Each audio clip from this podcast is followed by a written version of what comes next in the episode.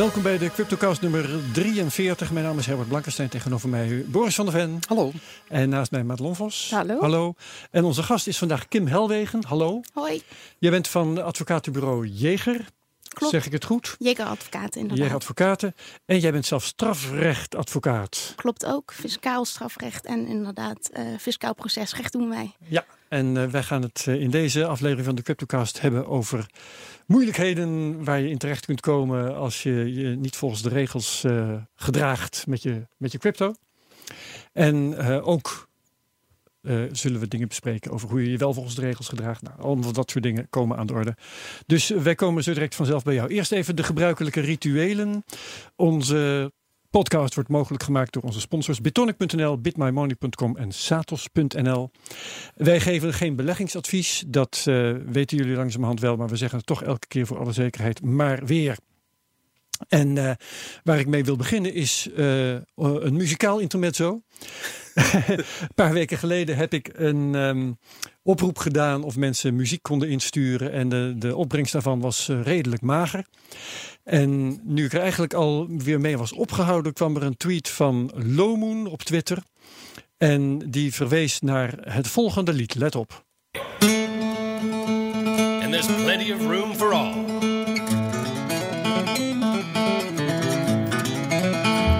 Satoshi Nakamoto, that's a name I love to say. And we don't know much about him, but he came to save the day. When he wrote about the way things are and the way things ought to be, he gave us all a protocol this world had never seen. Oh, Bitcoin, as you're going into the old blockchain. Oh, Bitcoin, I know you're going to rain, gonna rain. Till everybody knows, everybody knows, till everybody knows your name.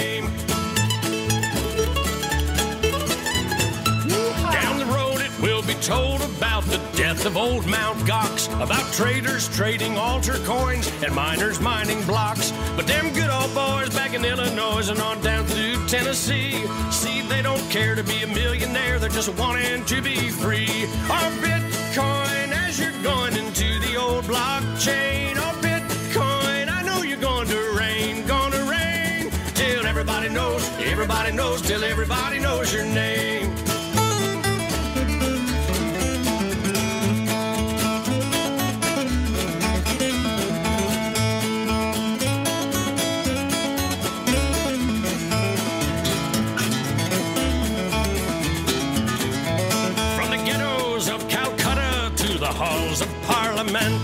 While the bankers count our money out for every government. Oh, Bitcoin flies on through the skies of virtuality, a promise to deliver us from age old tyranny. Oh, Bitcoin, as you're going into the old blockchain. Oh,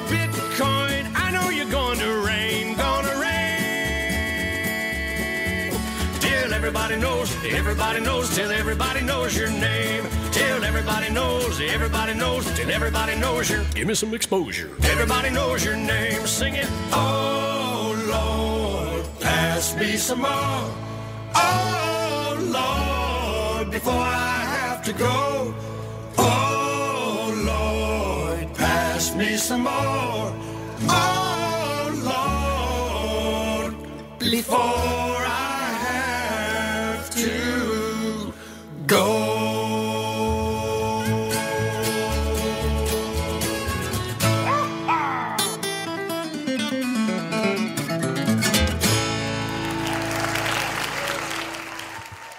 geweldig of is dat geweldig? Dit was jij in de toch afgelopen zaterdag? Dit was dus gewoon wat ik, wat ik hoopte te vinden toen ik die oproep deed. Is, eh, ik bedoel, dit is muziek. Die tekst is leuk. Je moet erom lachen. Het deugt. Het klopt ook, weet je wel. Ja. In plaats van wat je met die Bitcoin raps vaak hebt. Dat het gewoon maar, eh, ja, ze, ze roepen wat eh, keywords uit, uit, de, uit de jargongenerator, weet je wel. En Dit ruimt. verder is het, is het saai en vervelend. Dit is, ik vind dit prachtig. Dus dat wou ik eventjes eh, aan jullie kwijt.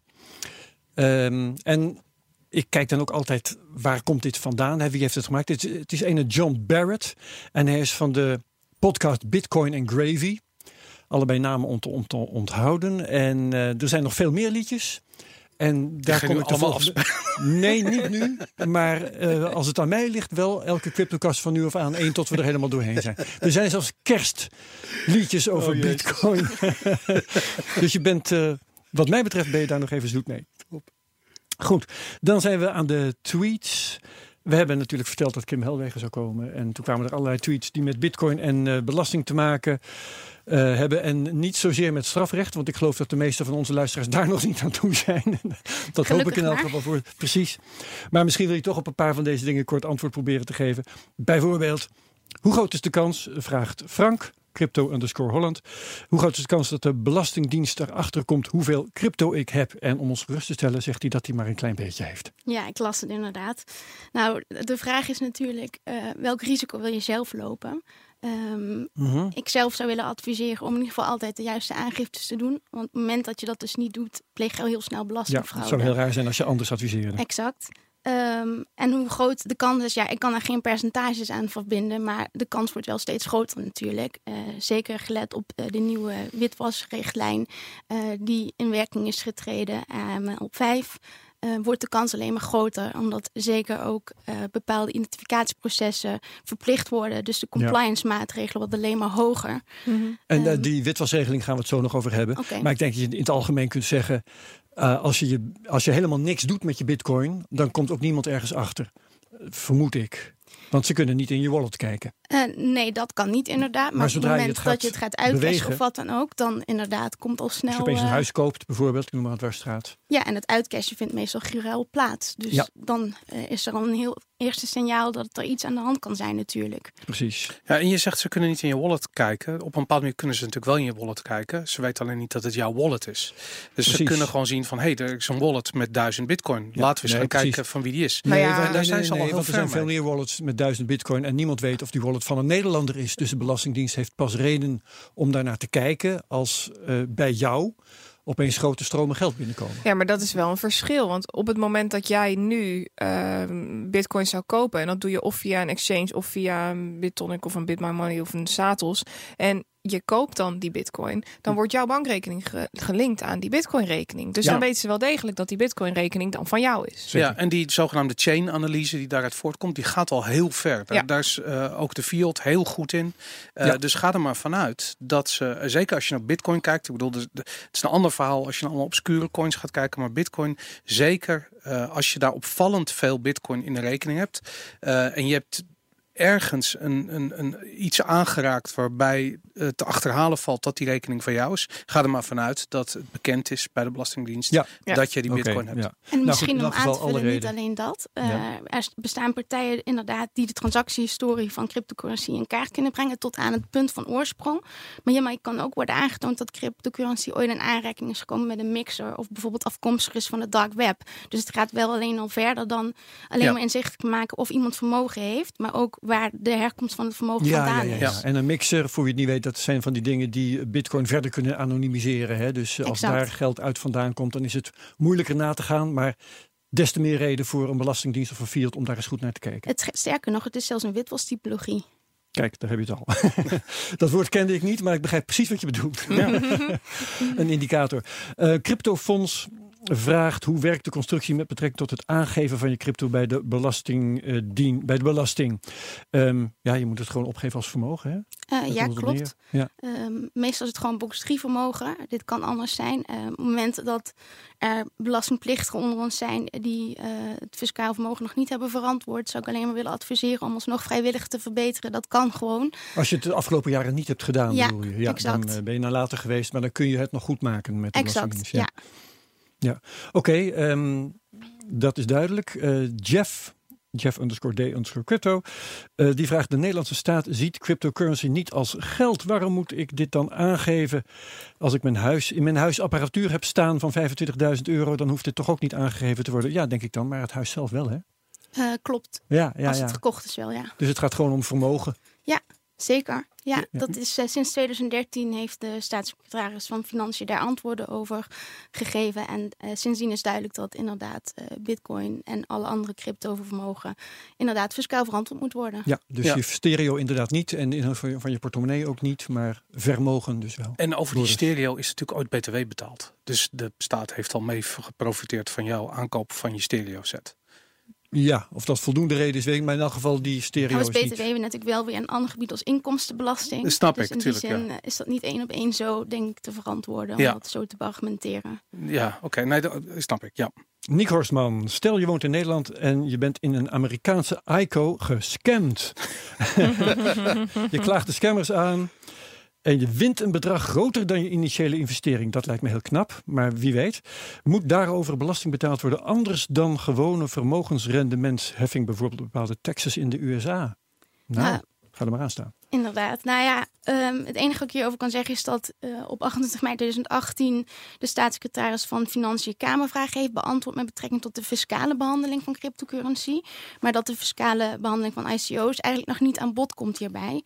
En ik denk dat de Belastingdienst er goed aan doet om hier guidance over te gaan publiceren. En eh, ja, dat duidelijke handvaten vanuit de zijde van de Nederlandse Belastingdienst echt nodig zijn, maar op dit moment ontbreken op dit vlak. Ja, ja. Ehm, het brengt mij een vraag in gedachten die eigenlijk voor verderop stond, maar eh, die sluit hier goed bij aan.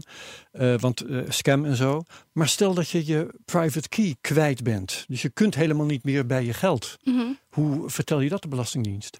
Nou ja, fiscaal vermogen zul je gewoon moeten verantwoorden. Eh, en op het moment dat jij je private key kwijt bent, dan kun je dat natuurlijk kenbaar maken aan de inspecteur. Maar een inspecteur zal je wel vragen over hebben. Ja. En ik denk ook dat dit voor de Belastingdienst in de toekomst een uitdaging gaat zijn. Want kun je nou heffen over bezit dat je eigenlijk niet meer hebt. Want als Ja. ik je private key kwijt ben. Sorry, mijn private key Ja, kwijt. ja. private key kwijt. Wanneer je private key kwijt bent, Ja. dan ehm, heb je een probleem natuurlijk. Want je kunt niet meer bij je bitcoins, om Ja. het zo maar even te noemen. Maar, maar dan moet je dus aantonen dat je onschuldig bent. Wat, wat eigenlijk raar is. Nou ja, ja, maar je moet wat je niet hebt, dat kun je niet geven natuurlijk. Dus op het moment dat je je private key echt kwijt bent, dan kun je daar weinig aan doen natuurlijk. Wat natuurlijk wel zichtbaar is, is op het moment dat jij aangeeft ik ben het kwijt en er begeven zich in op een gegeven moment verschuivingen in de blockchain transactie. Ja, wie heeft die dan gedaan? Want schijnbaar is die private key dan toch niet helemaal kwijt. Ja. Hè, want iemand heeft Ja, die private ja, key ja. in zijn bezit. Dus misschien dat er ooit een registratie of iets dergelijks kan komen. eh, dat de Belastingdienst dat kan registreren en zelf bij gaat houden van, van nou ja, als binnen de die niet komende meer, adressen Precies. die Ja. niet meer eh, toegankelijk zouden moeten zijn. Ja, Ja, ja dat is, daar moet ook nog, ehm, eh, ik zal maar zeggen, regelgeving over eh, verzonnen worden zelfs nog. Nou ja, lijkt me wel van de Belastingdienst dat daar een oplossing voor gevonden moet worden. Want op het moment dat iemand bepleit dat hij zijn private key kwijt is en dat kennelijk niet zo is, dan wil je daar natuurlijk alsnog over kunnen heffen en navolgingsaanslagen daarover kunnen opleggen. Ja, ja, Mag, ja. mag ik daar wat over vragen? Eh, ehm, op het moment dat je zegt van oké, je kunt dus je private key. Het blijft een lastig woord. Vanaf nu is het gewoon een private Oké. key ook. hè? Je kan die dus kwijtraken, maar de Belastingdienst kan natuurlijk niet aantonen of dat wel of niet waar is. Nee, Het omgekeerd werkt hetzelfde. Ik bedoel, je bezit eh, tussen aanhalingstekens van bitcoin. Je bezit niet echt bitcoin. Je hebt met die key toegang tot een bepaalde hoeveelheid bitcoin. Met andere woorden, jij kent een geheim en dat geheim vertegenwoordigt waarde. Ja. En je kunt het geheim vergeten of verliezen. Ehm, maar het is nogal raar om een geheim ehm, ja, te belasten. Die sleutel tot dat geheim te Ja, de- de sleutel Maar dat, is het dat is geheim. raar, Ja. maar het is vastgesteld dat dat gaat gebeuren. Ik bedoel, dat is gewoon een, een afspraak die democratisch gemaakt is. Om het maar Nou ja, weet je wat het gekke is, Maar Herbert? is daar wel eens over geprocedeerd? Dat vraag ik me dan af. nee, er is überhaupt nog weinig fiscaal geprocedeerd. Ja. Er is alleen een btw-jurisprudentie-uitspraak van het Hof van Justitie.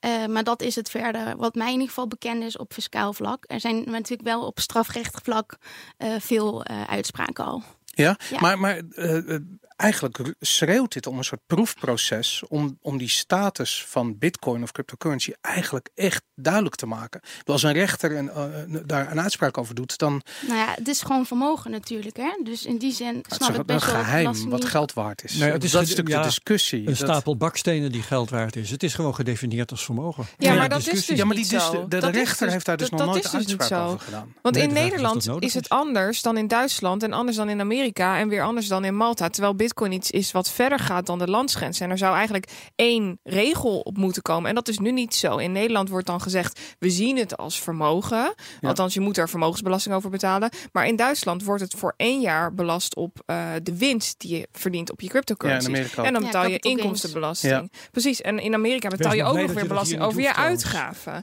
Terwijl in Malta zeggen ze: nou weet je, eh, we houden onze handen ervan af en eh, we, zien, we zien dit wel. Ja, nee, ja, ik heb heel... Ja, Kim. Nou ja, misschien in dat kader dat afgelopen week de G20 natuurlijk Ja. bij elkaar is gekomen. Ik weet niet of we nog een nieuwsitem gaan behandelen. Maar Ja, daar gaan we het, eh, want jij wilde daar volgens mij nog dingen over kwijt. Ja, hè? heel Maar dat, we zijn nu nog met de tweets bezig, dus daar, daar komen we zo vanzelf op. Ehm, Crypto Snow, en dat is de Twitter-handle CryptoPenguin, um, wonderlijk genoeg. Maar goed, Dus. die vraag, dat is wel een heel interessante vraag. Security tokens keren dividend uit aan tokenholders. Moet hierover dividendbelasting worden betaald? Ja, dat is een beetje hetzelfde antwoord als wat ik net gaf. Hè? Dat, Grijs eh, ja, precies. En eh, bij tokens ja, kan ik me in het algemeen wel voorstellen dat er verschillende kwalificaties fiscaal dan mogelijk zijn. En dat daar geen eenduidig antwoord op te geven is. Eh, hè, want zijn ze nou aan te merken als aandelen, certificaten, winstrecht, et cetera. Eh, maar de verwachting is wel dat de Belastingdienst denk ik zoveel mogelijk zal aansluiten bij de reeds bekende concepten. Maar goed, er zijn Ja. zoveel verschillende tokens. Ik noem maar iets, eh, een hybride token, een equity token, noem maar op. Utility token, En- security token, Ja, je kan nog wel even doorgaan. precies. Ja. Dus eh, ja, om daar een eenduidig antwoord op te geven, dat kan ik op dit moment niet. ja, maar in ieder geval is het nodig om een whitepaper goed te kunnen bestuderen en dan daarvan in ieder geval de fiscale consequenties in kaart te brengen. Ja, nou, en als je genoeg geld hebt om advocaten te huren, dan kun je dus allemaal van dit soort dingen proberen aan te vechten. Dat is eh, misschien een, eh, een leuke bottom line daarvoor. Want dit vind ik ook leuk. Van allcryptowhitepapers.com. Ja, ja. At John van Rijk. Mag je als strafrechtadvocaat je fee ontvangen in digitaal geld? Ehm, er zijn strafrechtadvocaten die bepleiten dat dat zou kunnen. Eh, wij zelf doen dat niet. Eh, Het mag ook volgens mij, voor zover ik weet, van de orde van advocaten niet. Alleen maar geld zouden wij mogen ontvangen. Eh, Ja. Maar goed, wie weet dat dat in de toekomst wel, zeker met de AML5, bepleitbaar wordt om voor advocaten om ook inderdaad bitcoins en andere cryptocurrencies aan te nemen. Oké. Bridging Tech. Die vraagt hoe zit het met de juridische rechten van bijvoorbeeld de Amerikaanse Securities and Exchange Commission op crypto in Europa? Kan het zo zijn dat de USA juridisch, eh, jurisdictie claimt die verder gaat dan de EU-regels? Ja, eh, wanneer is een coin in Europa? Nou ja, Nog kijk, helemaal strafrechtelijk bezien heb je natuurlijk grensoverschrijdende criminaliteit. En fiscaal Ja. bezien sluit de Nederlandse Belastingdienst in ieder geval vooralsnog aan bij de fiscale woonplaats van een, fisca van een belastingplichtige. Dus op het moment dat er aanknopingspunten zijn dat iemand in Nederland woonachtig is, en dat kan echt al heel snel zijn. Bijvoorbeeld als iemand ehm, al een dokterbezoek of een tandartsbezoek hier doet, kan de Belastingdienst al zeggen van nou ja, je bent Nederlands, Nederland woonachtig. Dus we gaan belasten over je wereldinkomen. Ehm, ja. Dus zo, zo werkt dat. Maar dan, wordt, dan heeft de SEC daar dus eigenlijk geen eh, recht op. Ja, ligt Juridisch aan, gezien. kan ik ook Tenzij ze dat zelf weer vinden van wel. Hè? Dat, Want het grappige was, ik kreeg van de week een, een opmerking van een van mijn kijkers onder mijn eh, YouTube-video's. En die zei: Ja, je moet wel oppassen. Je moet iedere keer de disclaimer toepassen dat je geen juridisch advies geeft. Want de SEC die gaat nu YouTubers. Precies. Ja, en die gaat nu YouTubers ehm, ja, aanvallen, om het zo maar te zeggen. eh, dat ze echt aangeven: we geven geen beleggingsadvies. En ook dus YouTubers Mhm. in Europa. Ja. Als, je, als er ook maar één Spannend. Amerikaanse kijker is naar jou, dan val je onder het Amerikaanse recht volgens de SEC. Is dat zo? Ja, dat is met de ICO's ook het geval volgens mij. Kim, weet jij, weet jij er Dat meer? durf ik zo niet te zeggen, maar ik weet wel dat Amerikanen over het algemeen heel snel Heel, jurisdictie claimen. En dat geldt ook inderdaad. Op het moment dat je een Amerikaans paspoort hebt, dan eh, ja, moet je gewoon echt alles opgeven. Maakt niet uit waar je het verdient, noem maar op. Dus Ja. Ze gaan heel ver. Oké. is een reden om daar nog eens naar te kijken. Ja, zeker. Madelon. Ja, ja, spannend. Ehm, daar gaan we nog een keer verder eh, op in, misschien wel. In de CryptoCast, voor zover mogelijk. Ehm, dan is er nog Laurens Lewis. Ik weet niet zeker of ik deze vraag begrijp. Eh, de waarde van de bitcoin is die van 1 januari, dat begrijp ik nog wel. In deze markt is het waarschijnlijk gunstig om eind december om te zetten in fiat en begin januari opnieuw aan te kopen.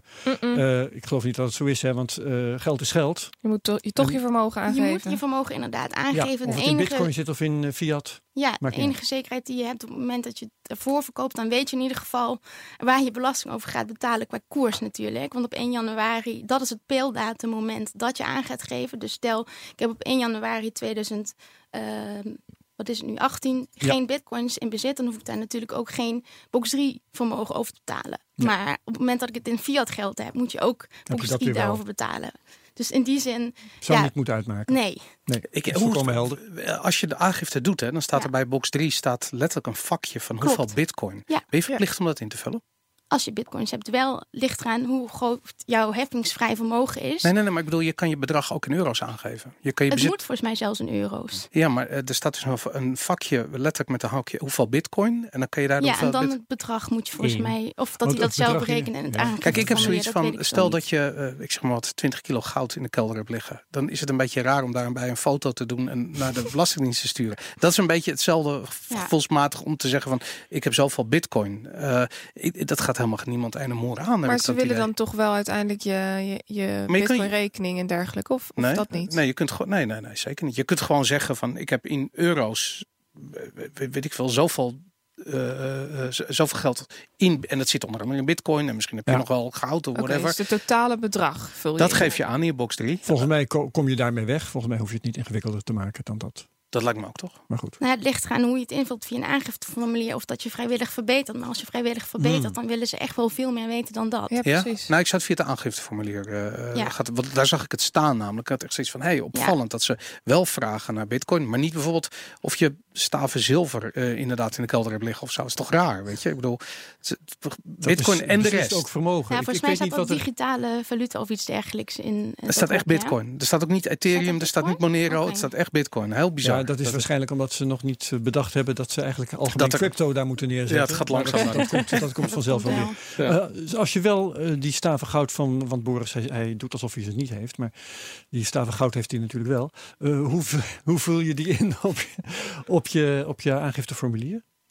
Staven goud Staven goud? Ja, Gewoon in op euro's. je aangifteformulier. ja st- staat, nee, maar goed. eh, Er staat dus niet een vakje ga- staven er goud. staat geen vakje staven goud. nee, nee, nee, Alleen nee. bitcoin. En Ja. euro's. That's it. Dat is best wel wonderbaarlijk. Dat is wonderbaarlijk, toch? Ja, ja, ja. Nou, oké.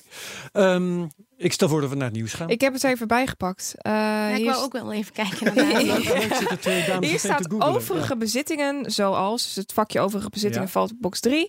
Eh, aandelen, eh, even kijken. Uitvaart, iets, eh trustvermogen en beperkt eigendom, vruchtbaar gebruik, onroerende zaken, natuurterreinen. En Mhm. ehm, dat andere staat een rood streepje doorheen, kan ik niet zien. Maar hier staat bitcoins tussen haakjes virtueel betaalmiddel. Ja, virtueel betaalmiddel inderdaad. Dus dat zouden ook de Maar andere het staat dus Ja, zijn. ja, dat, virtueel, sowieso. dat- is geen eh, discussie hoor. Je moet alle, al je vermogen moet je opgeven. Nee, ik snap dus dat maakt wel. niet uit of het Alleen- altcoins zijn of bitcoins. Ja, alleen ik geef het in euro op bewijs van spreken. Ik bedoel, eh, eh, en niet in bitcoin of in weet ik het wat voor andere crypto ik op dat ogenblik toevallig Ja. Nee, maar de waarde moet sowieso altijd omgerekend van US dollars naar euro's bijvoorbeeld. Dat Ja. is zeg maar met aandelen en dergelijke ook niet anders. Nee, oké. Ja, ja. Wel grappig, want bitcoin is eigenlijk helemaal geen virtueel betaalmiddel. Het is een digitaal betaalmiddel. Ja, virtueel ja, ja, is, is, is... Ja, De belasting heeft het ook over een bewaarportemonnee. ja, Klopt. serieus. Dat is een woord. dus oké. maar goed, oké. ehm, ik stel voor dat we naar het nieuws gaan. Ja. Madelon, heb jij nieuws? Ja, ik had eh, een heel kort, maar toch wel ehm, interessant nieuwtje. En dat gaat namelijk over Zwitserland. En in Zwitserland eh, heeft de, ja, de toezichthoudende autoriteit, dat noemt men de FINMA, dus de soort van eh, AFM van Zwitserland, heeft eh, nieuwe plannen doorgevoerd waarbij eh, cryptocurrency exchanges zich mogen gaan gedragen als banken. En dat houdt in dat zij publieke deposito's van maximaal 100 miljoen mogen aanhouden als zij een nieuwe licentie hebben. En die wordt volgend jaar beschikbaar. En dat vond ik best wel een interessant nieuwtje. Want dit Nou. betekent dat de scheidslijn tussen banken en crypto-exchanges relatief klein wordt. Dat zat ook al een beetje in die nieuwe regelgeving, toch? Dat exchanges tegenwoordig verplicht zijn om alle transacties binnen de exchange op te geven. Ja, klopt. Eh, waar vroeger het alleen maar van fiat naar crypto was en weer terug.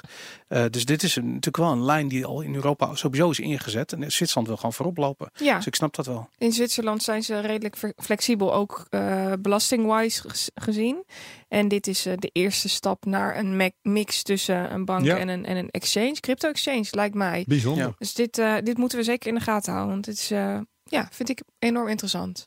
Mooi. Boris, Mijn nieuws, eh, ik had eigenlijk twee nieuwtjes, omdat er ook last minute nog iets binnenkwam. Mijn eerste was eh, ehm, dat duidelijk, er gaat een nieuwe eh, eh, richtlijn in werking. En dat betekent dat wij eh, straks alle eh, al onze banktransactiegegevens ge- kunnen delen met commerciële partijen. Dat is een Europese Ja. eh, eh, ehm, ja, afspraak die is gemaakt.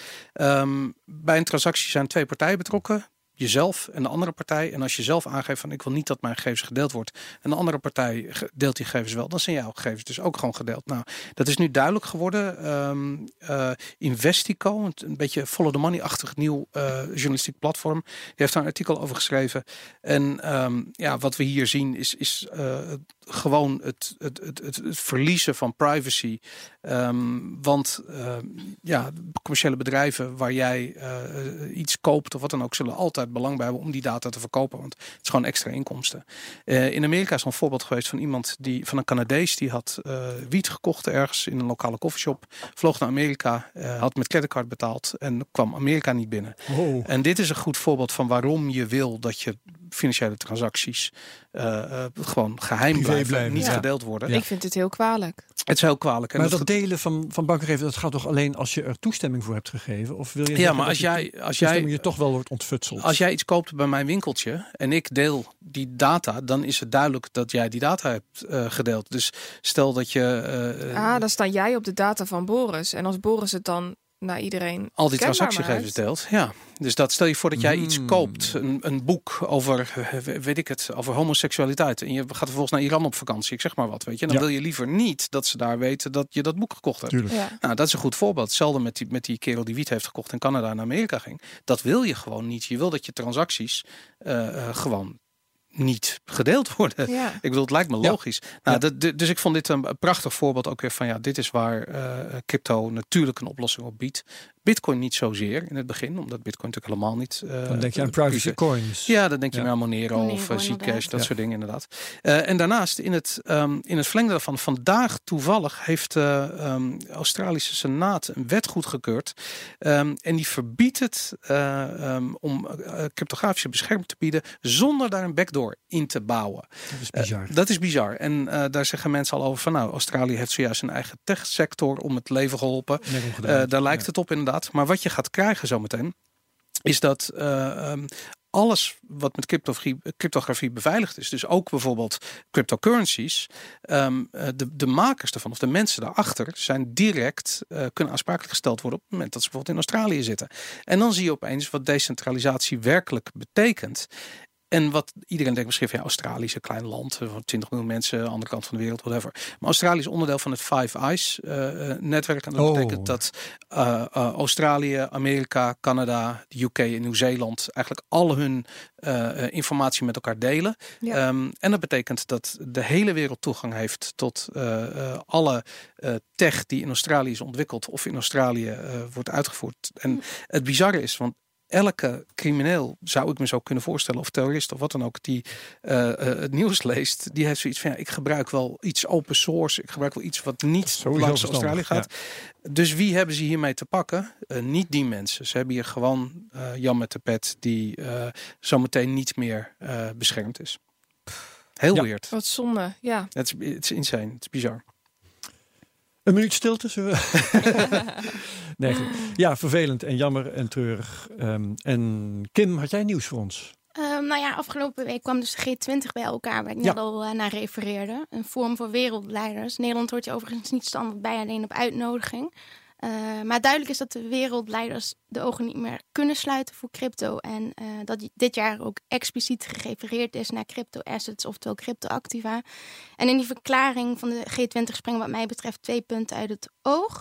Dat is eerste de regulering van crypto assets in lijn met de aanbeveling van de Financial Action Task Force. En die richt zich op de internationale bestrijding van witwassen en op de bestrijding van terrorismefinanciering. Meer een aanvulling op wat Boris net al aangaf. Ehm, En daarnaast uh, wordt er ook nog ja, wordt niet specifiek gerefereerd naar een tax control framework voor cryptocurrencies, maar wel wordt nog geadresseerd dat de G20 oplossingen gaat zoeken voor de digitalisering van de economie en de impact daarvan op internationale belastingheffing. Met een update die we kunnen verwachten in 2019 en in 2020 zal een finaal rapport uh, komen en de volgende G20 vindt dan plaats in Osaka en dan zullen we dan uh, daar weer meer over horen. Ja. Uh, maar op dit moment is de cryptomarkt natuurlijk nog redelijk ongereguleerd. Ja. Uh, en de spelers in de markt kwamen tot voorheen nog weinig in aanraking hiermee met toezicht. Maar ja, persoonlijk heb ik rechtsbescherming hoog in het vaandel staan. Dus ik denk ook dat het goed is dat er wel iets van guidance gaat komen.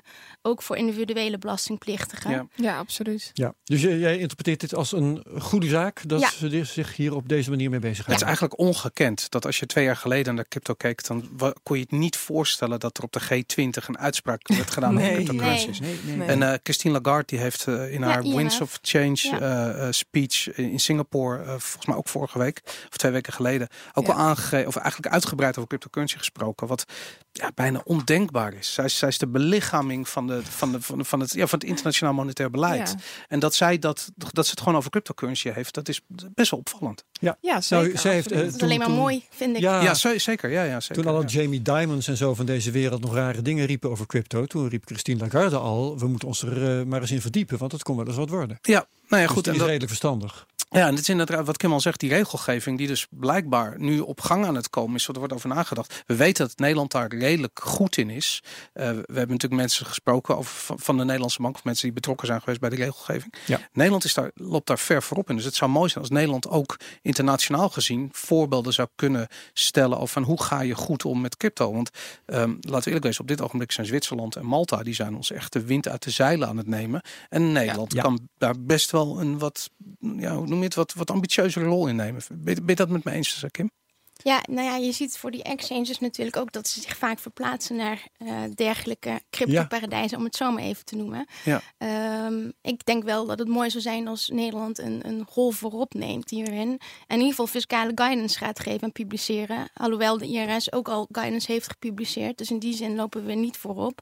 Uh, maar behoefte aan duidelijkheid in de markt bestaat er zeker, ja. Ja, absoluut. Ja. Wat, wat, ik, ik schiet me ineens iets te binnen. Wat was er ook alweer met die studenten die een, een case hadden gedaan over crypto's en ze hadden daar geld mee verdiend. En um, ze moesten belasting betalen over winstbelasting, maar die winst waren ze al lang weer kwijt. Kunnen jullie je dat voorbeeld nog herinneren? Hebben we iets van drie weken geleden besproken? Nee, niet zo niet goed. nou, want ik moet dus nu denken, stel dat de RS, uh, I, I, Internal IRS, Revenue Service, ja. IRS, stel dat die deze regelgeving gaat doorvoeren en het zou internationaal regelgeving worden, dan lopen we daar dus met z'n allen allemaal tegenaan. Want in principe is het vermogensbelasting nog relatief oké. Okay. Als we dan toch belasting moeten betalen, doe dan maar vermogensbelasting in plaats van uh, maar als inkomstenbelasting. Je als ondernemer natuurlijk te maken krijgt met crypto, dat zijn weer totaal andere regels dan als je ja. dat uh, als persoonlijk. Absoluut. Daar komen we trouwens straks ook weer ja. over de, te sp ja. spreken. Ik ga dat, uh, dat, dat item even opzoeken. Ja, dan kan ik hem straks als jij dat even doet, dan uh, begin ik over mijn nieuws. Ik heb er ook stiekem twee. Um, Eén, de continuing story van de Petro in Venezuela. Ik zag dat, het, uh, de hoeveelheid bitcoins die daar gekocht worden over de counter weer een nieuw record verbroken. Oh, dat is wel best. Dat heb ik dan weer niet. Maar dat is dan weer bij jouw nieuws opgeteld. Dat is mooi. Hm. Nee, um, president Maduro heeft uh, bepaald dat de petro in, in, het vervolg niet meer 3600 bolivar waard is, maar 9000. Oh, zo, dat dus gaat makkelijk. Één. Kunnen we dat niet ook met de bitcoin doen? ik heb nog een berg tron liggen. ja, nee, maar dat is, uh, dat is natuurlijk heel bizar. Mm -hmm. um, en het, het, uh, het falsificeert allerlei dingen die we eerder nog een beetje zeker meenden te weten. Bijvoorbeeld dat die petro gekoppeld was aan de olieprijs. Of in elk geval aan de waarde van de Venezolaanse olie. Ja. Nou, er is dus geen sprake van. Met de pennenstreek uh, maken ze dat ding 2,5 keer zoveel waard. In elk geval uitgedrukt in hun eigen munteenheid. Voor Venezolanen uh, kan ik me bijna niet voorstellen wat dit betekent. Want sommigen uh, hadden we het uh, onlangs over, die hebben een uh, boete of een schadevergoeding moeten betalen in petro. Ik hoop dat ze dat intussen gedaan hebben. Anders dan moeten ze opeens een 2,5 keer zo hoge boete betalen. Ja. Wauw. Bijvoorbeeld. Het is wel een goed En- rendement op die Peter hoor. Die gaat gewoon eventjes 100%. Ik Nou vind ja, of, het, of het compenseert voor de inflatie daar. In elk geval, ja, je had beter Ja. Petro kunnen hebben dan die Bolivar. Er is geen enkele andere cryptocurrency die dat doet. het is een puinhoop tot en met. Ja. En ik lees in, het was geloof ik de Cointelegraph die dit, eh, ja, de, die, nee, bitcoin.com, die dit bracht. Ehm, er is nog steeds geen werkende wallet. Oh ja. En eh, er is wel een blockchain en er is ook een manier om in die blockchain te koekeloeren. En dan blijkt dat er intussen 3100 blocks zijn gemined. Of in elk geval zijn ontstaan. Ja, dat schiet lekker op. Nee, helemaal niet. Ehm, Mhm. Want er, zouden elke, er zou elke minuut een blok ontst- ontstaan. Ja. En 3100, dat is dan 50, eh, even kijken hoor, eh, vij- eh, 50 blokken. Zeg ik, Ik, nou moet je eerlijk zeggen, ik ben verbaasd dat elk er geval- überhaupt al een blok Dat is. klopt. Want eerst kon je het kopen op een website die niet eens werkte. Dus Ja. dat, dat, ja, het is gewoon een grap. Er Die- die klopt hele- geen hout van. En, maar ik vind het toch nodig om dat elke keer er weer bij te sleuren. Want eh, dit moet Ja. gewoon in de gaten worden gehouden. Omdat het het eerste experiment is op deze schaal. En straks gaan andere landen het ook doen. En nu kunnen we het mooi vergelijken. En het andere verhaal dat is de eh, blockchain smartphone, de Finny, genoemd naar Hal Finney, een van de Bitcoin pioniers. En eh, die eh, is intussen uit. Je kunt hem pre-orderen Mhm. op de site van Sirin Labs. En hij is getest door Cointelegraph. Ehm en die zeggen hij is op allerlei manieren is de geavanceerde telefoon. Hij heeft dus een cold storage wallet ingebouwd met een apart schermpje. Eh, je moet zelf bepalen of je het leuk vindt om de hele dag met je cold storage wallet over straat te lopen. Ik zou het persoonlijk. Kim lacht al. en allerlei andere trucjes met blockchain. Bijvoorbeeld, er, eh, er zijn specifieke apps. Het, is, het ding bevat een Android soort van besturingssysteem. Dus Android-apps gaan daarop werken. Maar er zijn ook andere specifieke apps. En als je die gebruikt, dan verdien je Seawin Labs tokens. Jezus. En dan kun je als, volgens hun eigen berekening kun je 300 euro, sorry, 300 dollar van de prijs terugverdienen. Oké. Nou, moet allemaal nog tijd? blijken. Ja, ik geloof er ook geen hout van. Dat, eh, dat moet duidelijk zijn. Maar dat zijn de beweringen waarmee deze telefoon worden, wordt eh, gepresenteerd. Er is ehm, een concurrerende blockchain-telefoon van HTC. Die eh, zal binnenkort ook nog zich gaan vertonen. En er was nog een derde blockchain-telefoon. Dus het wordt een heel fenomeen. En daar gaan we goed in de gaten houden. Tot zover, wat mij betreft. Madelon, de prijzen. Ja, ik pak hem er even bij. Even zien. De daggrafiek. Ja, want vorige week zaten we hier en ik zit nu even te kijken. Boris vroeg mij toen, Kan wat ga je doen? lager? Kan het Oh. nog lager? nou, dat was, vorige week was het hoogste punt en daarna zijn we eigenlijk alleen maar eh, verder omlaag gegaan. Maar we zitten nu op een eh, behoorlijk wankelpunt. Die 3300 dollar is een eh, mogelijke driedubbele bodem als je hem echt eh, op, een, op een wat korter timeframe pakt. Dus ehm, ik moet heel eerlijk zeggen, ik vind het nu wel een beetje spannend worden. Wordt dit nou de driedubbele bodem en gaan we straks weer omhoog? Of is dit het moment dat we nu moeten inslaan? Definitief door het ijs. zijn. Oh, ja, ja. Ja, ja, ja ik, ik, ik, ik twijfel nog een De beetje. Death Kijk, Spiral. Heb je al voorbij horen komen? Nee, die heb ik niet voorbij horen komen. Het idee is dat de miners op een gegeven moment stoppen met minen. Op het moment dat de prijs zo laag is dat ze onder geen enkele omstandigheid meer winstgevend Ja, zullen dat zijn. vind ik dus onzin. Tuurlijk is het onzin. De difficulty is net eh, verlaagd. Tuurlijk, ja. ook. ja. Omdat de Ja. helft minder hash rate is. Maar Dus dat- sowieso, die, die difficulty die past zich gewoon aan. Iedere twee weken gebeurt dat. Dus daar hoef je helemaal geen zorgen over te maken. Plus daarnaast zijn er ook miners zoals Mark van der Scheijs... die we hier eh, drie weken geleden spraken. Ja. Die gewoon zeggen, we Ja. blijven stug doorminen... omdat die bitcoins... En als niemand meer mindt, ga ik het doen. Precies. Maar dat Ja. is het ding. Kijk, bitcoin zal nooit naar nul vallen. Want ik koop ze allemaal Nee. voor 1 euro.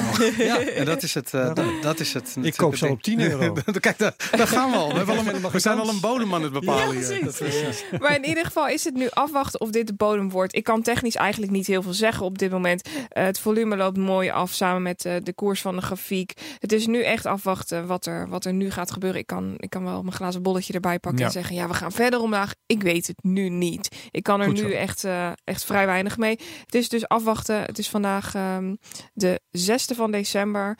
En eh, we maken deze podcast om tien over twee is het nu. Dus de koers, eh, ja, die gaat nu kant kiezen. Het, het kan eh, nu Maar dan even eind van omhoog. het jaar 2000 dollar. Ehm, nee, dat verwacht ik niet. Nee? Nee, nee, nee, nee, absoluut niet. Maar zo'n chocoladeletter om verwedden.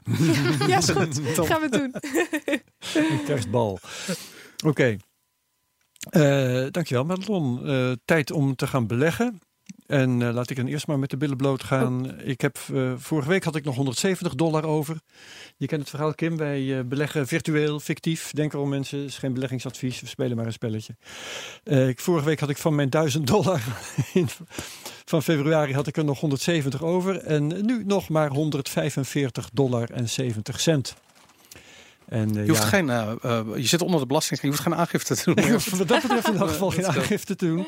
En ik heb ook be- be- bedacht dat ik trakteer als mijn tegoed onder de 100 dollar komt. Oh, wat goed. Nou, Ja. dat is goed nieuws. Mijn, komen mijn hier stand... de kokosmacronen op tafel. Oh, kijk, kijk hem gaan. Wat goed.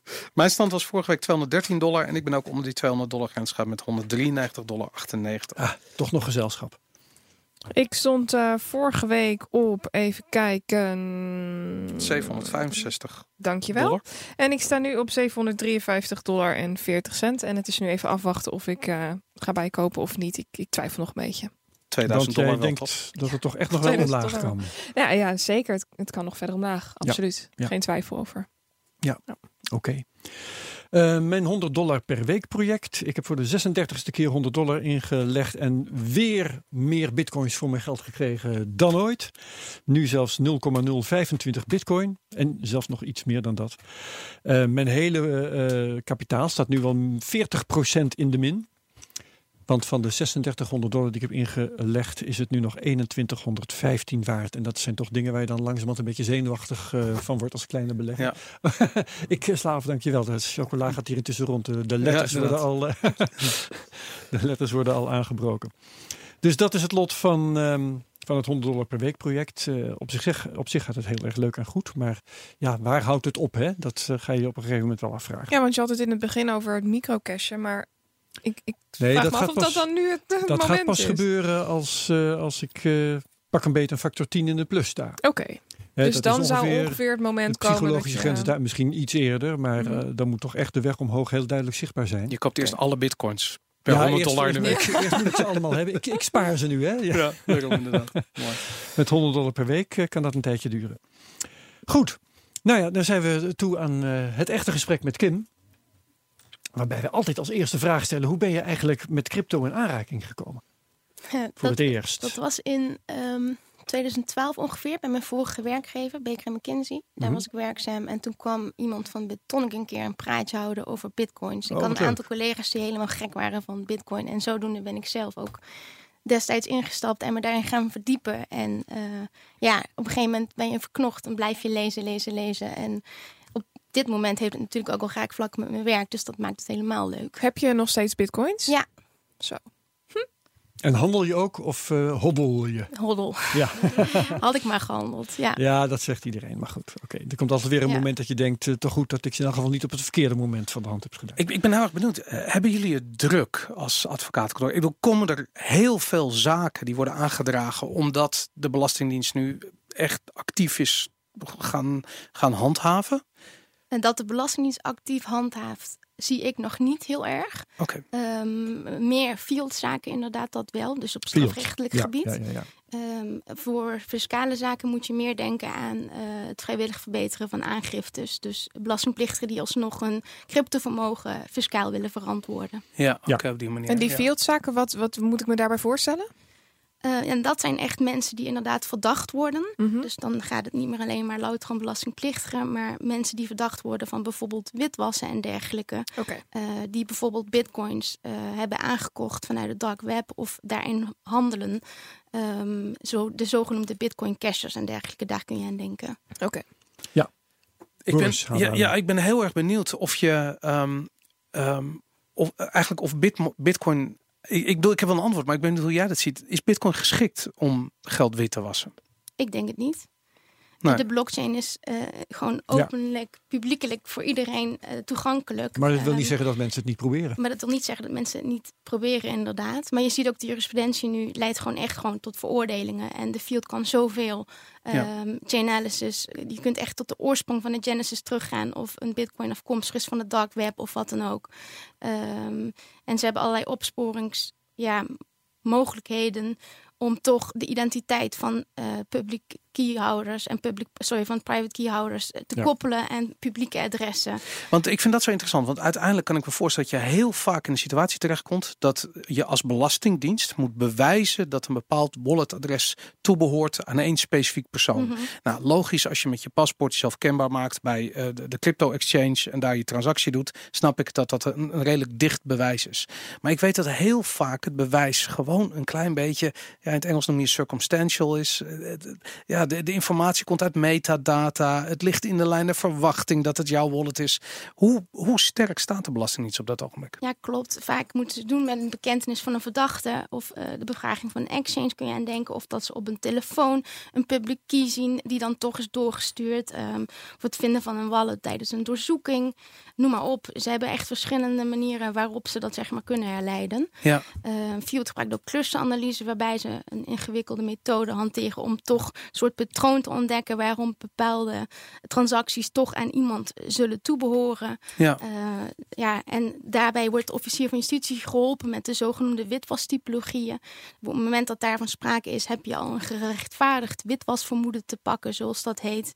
Uh, en dan uh, wordt al van jou als verdachte op dat moment toch wel het een en ander vereist.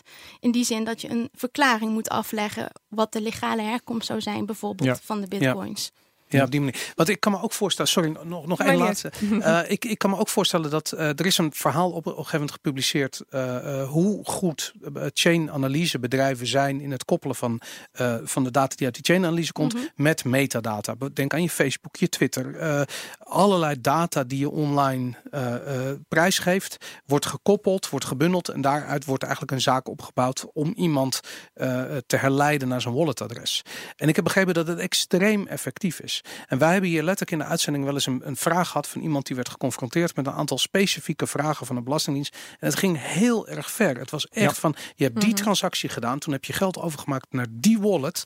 Is die wallet nog steeds van jou? En wat is Ja. er met dat geld gebeurd? En dat wat je ons verteld hebt is strijdig met die informatie die we van Ja. een exchange krijgen. Ja. En eh, leg het maar uit. Hoe, hoe, hoe, hoe gaat dan zo'n zaak in zijn werk? Ik bedoel, stel je voor dat jij de, ver- de, de verdachte bijstaat. Hoe, wat, wat voor soort argumenten komen daarbij kijken? Nou ja, er worden natuurlijk twee dingen door elkaar gehouden. Enerzijds eh, Belastingdienst, anderzijds Fiat. Eh Belastingdienst gaat natuurlijk anders te werk als de Fiat. Eh, de Fiat komt aan de bak op het moment dat je inderdaad een verdachte hebt. Belastingplichtigen, dan hebben we het gewoon over belastingplichtigen. En dan zit het meer op vragenbrieven die je krijgt. Ja. En fiscaal heb je een fiscale inlichtingenplicht. Dan moet je informatie verstrekken die eh, juist is en volledig is. Doe je dat niet, kun je ook weer een strafbaar feit plegen. Want dan verstrek je eigenlijk valse informatie aan de Belastingdienst. En dan komt weer de officier. eh, die dan mogelijk strafrechtelijk kan vervolgen. Ja. En eh, anderzijds heb je inderdaad strafrechtelijke onderzoeken, waarbij de field inderdaad helemaal, ehm, bijvoorbeeld met meta-analyses en inderdaad chainalysis en dergelijke, ehm, een zaak grond probeert te krijgen. En dan ligt de bewijslast wel bij de officier van justitie om dat zeg maar naar voren te brengen. Dus uit het dossier moet dan wel echt blijken dat iemand die transacties heeft gedaan. eh, Ja. En bijvoorbeeld een bekentenis van een verdachte en dergelijke. Ja. Dus op het moment dat jij eh, tegen de officier van justitie zegt van nou, ik heb echt die 100.000 ether overgemaakt naar die figuur online, omdat hij me beloofd had dat ik er 250.000 terug zou krijgen, eh, dan moet de officier van justitie moet bewijzen dat die transactie heeft plaatsgevonden. Eh, ja, en plus dat je een redelijke wijze een vermoeden moest hebben dat hij van misdrijf afkomstig was. Dus Ja. het gaat er wel om eh, dat je dat. eh, Het gaat echt om dat misdrijf. Erachter, Juist. juist. Ja, Madelon. Ja. wat ik mij afvraag. Jij zei net, chain analysis gaat heel ver. Die kan teruggaan tot het Genesis blok. Bij wijze van. Ja, stel ik bezit een bitcoin die afkomstig is uit een criminele transactie. Ja. Terwijl ik dat niet weet, bijvoorbeeld op een exchange gekocht. Mhm. Ben ik daar ook mogelijk, daardoor mogelijk ook strafbaar? Ja, dat is een leuke discussie die ik wel vaker met collega's heb gehad. Van Mhm. hoeveel stappen moet je nou teruggaan en Ja. wat voor Ja, want een onderzoeksplicht heb je individuele nu? bitcoin kun je niet volgen. Nee, Hij komt klopt. op een gegeven moment in iemand zijn wallet met Ja. een paar andere. En daar wordt één bitcoin weer uitgehaald. Maar dat is niet die ene bitcoin. Nee, en daarom zijn die witwastypologieën ook behulpzaam in die zin eh, dat er toch een soort van KYC-policy is gaan gelden, ook voor wij als consument, know your customer inderdaad. Dus dat je niet meer zomaar willekeurig op straat van iemand bitcoins moet gaan kopen zonder dat je weet wie het is en hoe dat is gegaan. Dus je, je zult toch wel iets meer moeten hebben dan alleen maar willekeurig bitcoins van iemand kopen en dan kunnen zeggen van ja, ik wist niet beter. Dat werkt niet meer. Maar het is toch raar, want hoe kun je dat dan wel weten? Ik bedoel, stel je voor dat jij zometeen bij een, eh, een- online exchange gewoon een bitcoin koopt en je zou betaalt met exchange Ideal. dus aansprakelijk zijn. Want die hebben die. Maar je als consument niet. Nee, ik- witwastypologie zie nu meer zeg maar op ehm eh, localbitcoins.com bijvoorbeeld, als ik daar bitcoins op koop. Ja. Eh, maar als ik bij Bitonic mijn bitcoin koop, ja, hè, mag je ervan uitgaan dat zij een controle hebben gedaan. Dat Ja, is precies. natuurlijk de vraag. Alleen, ja, het grappige is, zelfs het Openbaar Ministerie die coins in beslag neemt, eh, verkoopt dat daarna weer. En die gaan het ook gewoon weer verkopen aan bijvoorbeeld Bitonic. Eh, dus in die zin kun je je afvragen, Ja. het cirkeltje is rond. Hè? Want Ja, ja, ja, ja. eens een bitcoin die zwart is, die blijft natuurlijk zwart in die zin. Dus die onderzoeksplicht, ja, de vraag, de jurisprudentie moet uitwijzen hoe ver dat die gaat. Dus hoeveel, ik bedoel, als wij het rondje maken of wij naar alle vier de transacties terug moeten gaan, is het nou één keer, twee keer, drie keer of zelfs nog verder stappen terug. Ja, Ik, ik heb het er ooit ingelezen en banken zeggen van wij hanteren zes hops, zogenaamde Oké. zes stappen.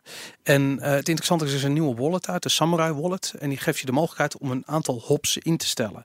Dus stel je voor dat je zeker wilt weten dat er zes hops zitten tussen jou en de, de, de andere kant van de transactie. Dan kun je dat gewoon instellen. En Wow, dan, wat worden, slim. ja, dan worden er zes hops gemaakt. Ja. Dat, eh, ja. Maar goed, dus ik, zelfs bij die zes stappen, als ik dan even goed redelijkerwijs moest vermoeden dat Ja. die bitcoins ooit van het dark web afkomstig zijn, blijf er met je handen vanaf. Want eh, dan Ja. eh, kunnen ze het makkelijk rondmaken. Waarom natuurlijk. zijn bitcoins die van het dark web afkomstig zijn eh, strafbaar om in bezit te Ze hebben? zijn niet strafbaar, ze zijn verdacht. Ehm, ja, het is wel grappig. Er is ooit een verklaring geweest in een van de ju- jurisprudentie. Even denken. Ehm, daar was een onderzoek gedaan dat. ehm even kijken. 80% van wat wordt aangeboden op het dark web eh, drugs betreft. En eh 20% betreft goederen en diensten. En 90% van alle producten zijn illegale producten, zo is gebleken uit onderzoek. Ah. Eh, en tot nu toe is vereist dat alles op het darknet bijvoorbeeld met bitcoins betaald moet worden. Dus eigenlijk is een soort van feit van algemene bekendheid dat op het moment dat je eh, bitcoins afkomstig van dark web hebt, dat het gewoon foute boel is en dat Ja. het stinkt. Ja, Dat ja. is eigenlijk wat de officier van justitie zal bepleiten in zo'n zaak. Ik wil nog even iets verder met je gaan hebben over eh, vermogens. Want eh, daar zijn via Twitter heel veel vragen over gekomen. En eh, ehm, wat, wat mij een belangrijke vraag lijkt voor, eh, voor veel mensen, zal dat be- eh, belangrijk zijn. Wat doe je als, je als het nu 2018 is? Je hebt nog nooit eh cryptovermogen opgegeven. Maar je hebt al cryptovermogen sinds pak een beet, 2013, 2012, 2011. Ehm, en je wilt daarmee in het reinen komen. Je hebt in elk geval geen zin in gelazer. Wat moet je dan nu doen? Ehm, dan zou ik alsnog vrijwillig verbeteren. En inderdaad. ehm, Dan moet je dus gewoon eh, je melden en zeggen: Ja, Dit is aan de vrijwillig melden bij de Belastingdienst. Dat kan eh, eenvoudig met een formulier. Dat kan ook via een advocaat of een fiscale adviseur. Ik zou toch adviseren om naar een advocaat te gaan. Eh, die kan toch begeleiden bij de vragenbrieven die gaan komen. Welke vragen Ja. wel gesteld mogen worden, welke vragen niet. Want in principe, een ja, inspecteur die zal alle vragen stellen Ja. die van belang zijn. Maar dat kunnen alle willekeurige vragen zijn die je maar kunt bedenken. Vanaf En- welke bedragen ehm, vindt de Belastingdienst het de moeite waard om aan eh, onderzoek te gaan doen? de Belastingdienst? Of bedoel je nou het grensvlak voor strafrechtelijke vervolging en dergelijke? Ehm, ik, be- ik bedoel de Belastingdienst. Er is Omdat- toch gewoon een grens voor aangifte? Die is Ja, er is een gren- 21.000 ja, er is een grens voor Ja, maar 5.000. aangifte. vanaf wanneer Maar- doen ze moeite, bedoelt Hel ja, precies. Kijk, ik, eh, stel, eh, ik, ik, stel ik heb vermogen, ik heb een eigen huis, ik heb wat spaargeld en ik heb één bitcoin. En die heb ik eh, sinds eh, 2013 en die was toen eh, eh, 100 euro of zoiets, 100 dollar. En die is nu, nou ja, we hebben net van Madelon gehoord, die is nu een duizendje of drie waard. Mhm. En dus op de pijldatum 12.000 Dat zijn, dat zijn geen waanzinnige bedragen. Eh, is dat de moeite voor, eh, voor de Ja, Belastingdienst? de vraag is of het de moeite is. Maar goed, Ja. ze hebben alle mogelijkheden om navorderingsaanslagen op te leggen op Ja. zulke momenten. Dus ik bedoel, je hebt onjuiste aangiftes gedaan. Dus ze kunnen, hè, als ze willen.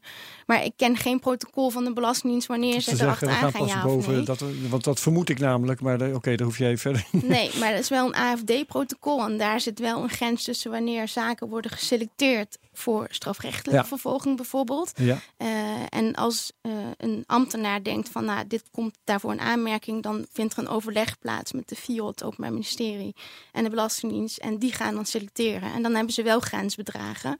Eh, dan hebben ze boven de 100.000 plus opzet wordt sowieso vervolgd. Onder de 100.000 en opzet met aanvullende wegingscriteria worden vervolgd.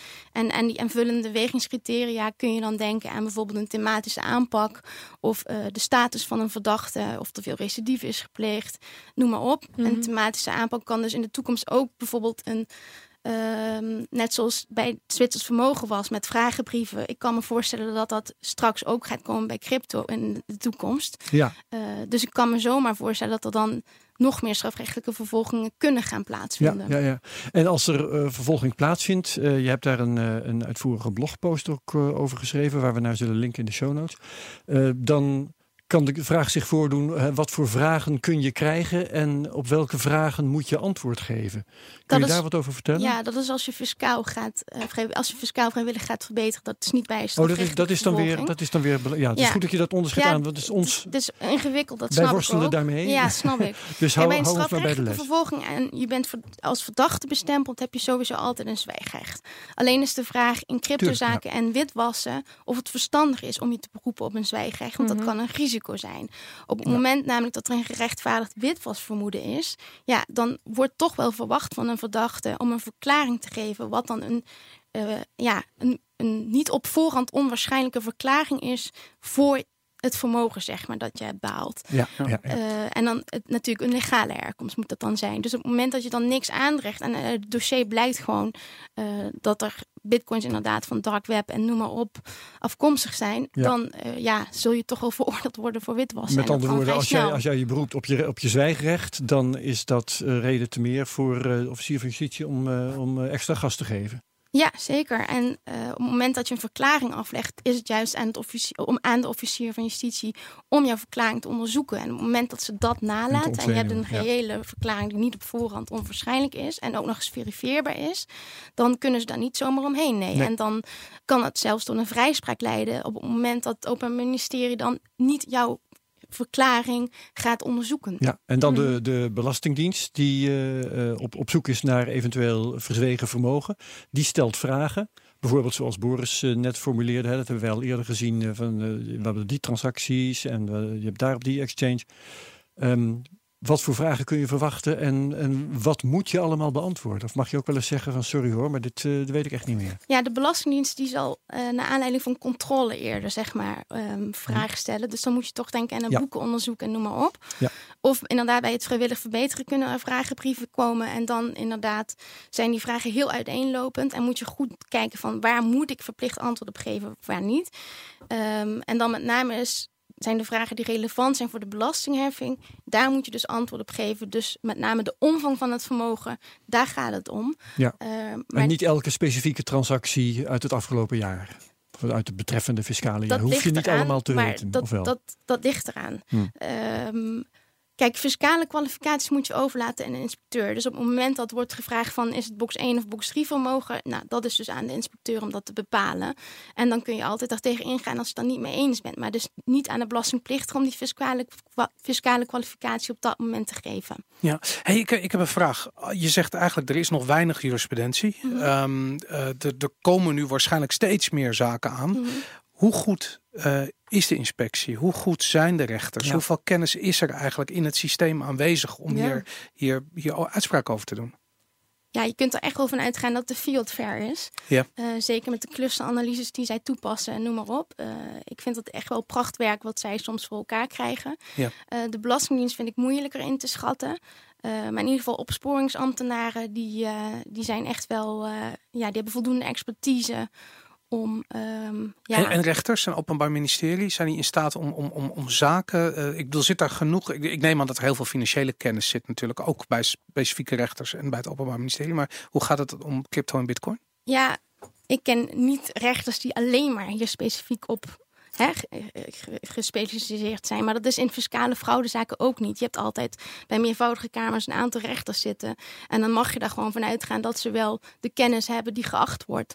Dus in zijn algemeenheid kun je daar wel van uitgaan. Maar dat is niet een speciale bitcoin-kamer of wat dan ook. Misschien dat er in de toekomst wel echt cybercrime-kamers of wat dan ook komen. Kan ik me zomaar voorstellen. Dat zou er toch moeten zijn? Want de, de, Ja. de vragen die, die eigenlijk zich aandienen, ze Ja. zijn bijna net zo filosofisch van aard als heel hoe de regel, of veel Ja. technisch. Inderdaad, er zijn zoveel aspecten aan, aan bitcoin en crypto. En ehm, wij hebben eigenlijk het afgelopen jaar hier al gezien dat mensen soms heel gespecialiseerd zijn in één vlak. En het andere vlak eigenlijk nooit echt over hebben nagedacht. En dat ben ik benieuwd. Dat moet hetzelfde zijn bij rechters. Dat kan niet anders zijn. Dus ik ben heel erg benieuwd van, ja, als die jurisprudentie er nog moet komen, dan is het juist ontzettend belangrijk dat er hele goede, eh, eh, rechtvaardige uitspraken gedaan worden, waar ook echt een systeem op gebouwd kan worden.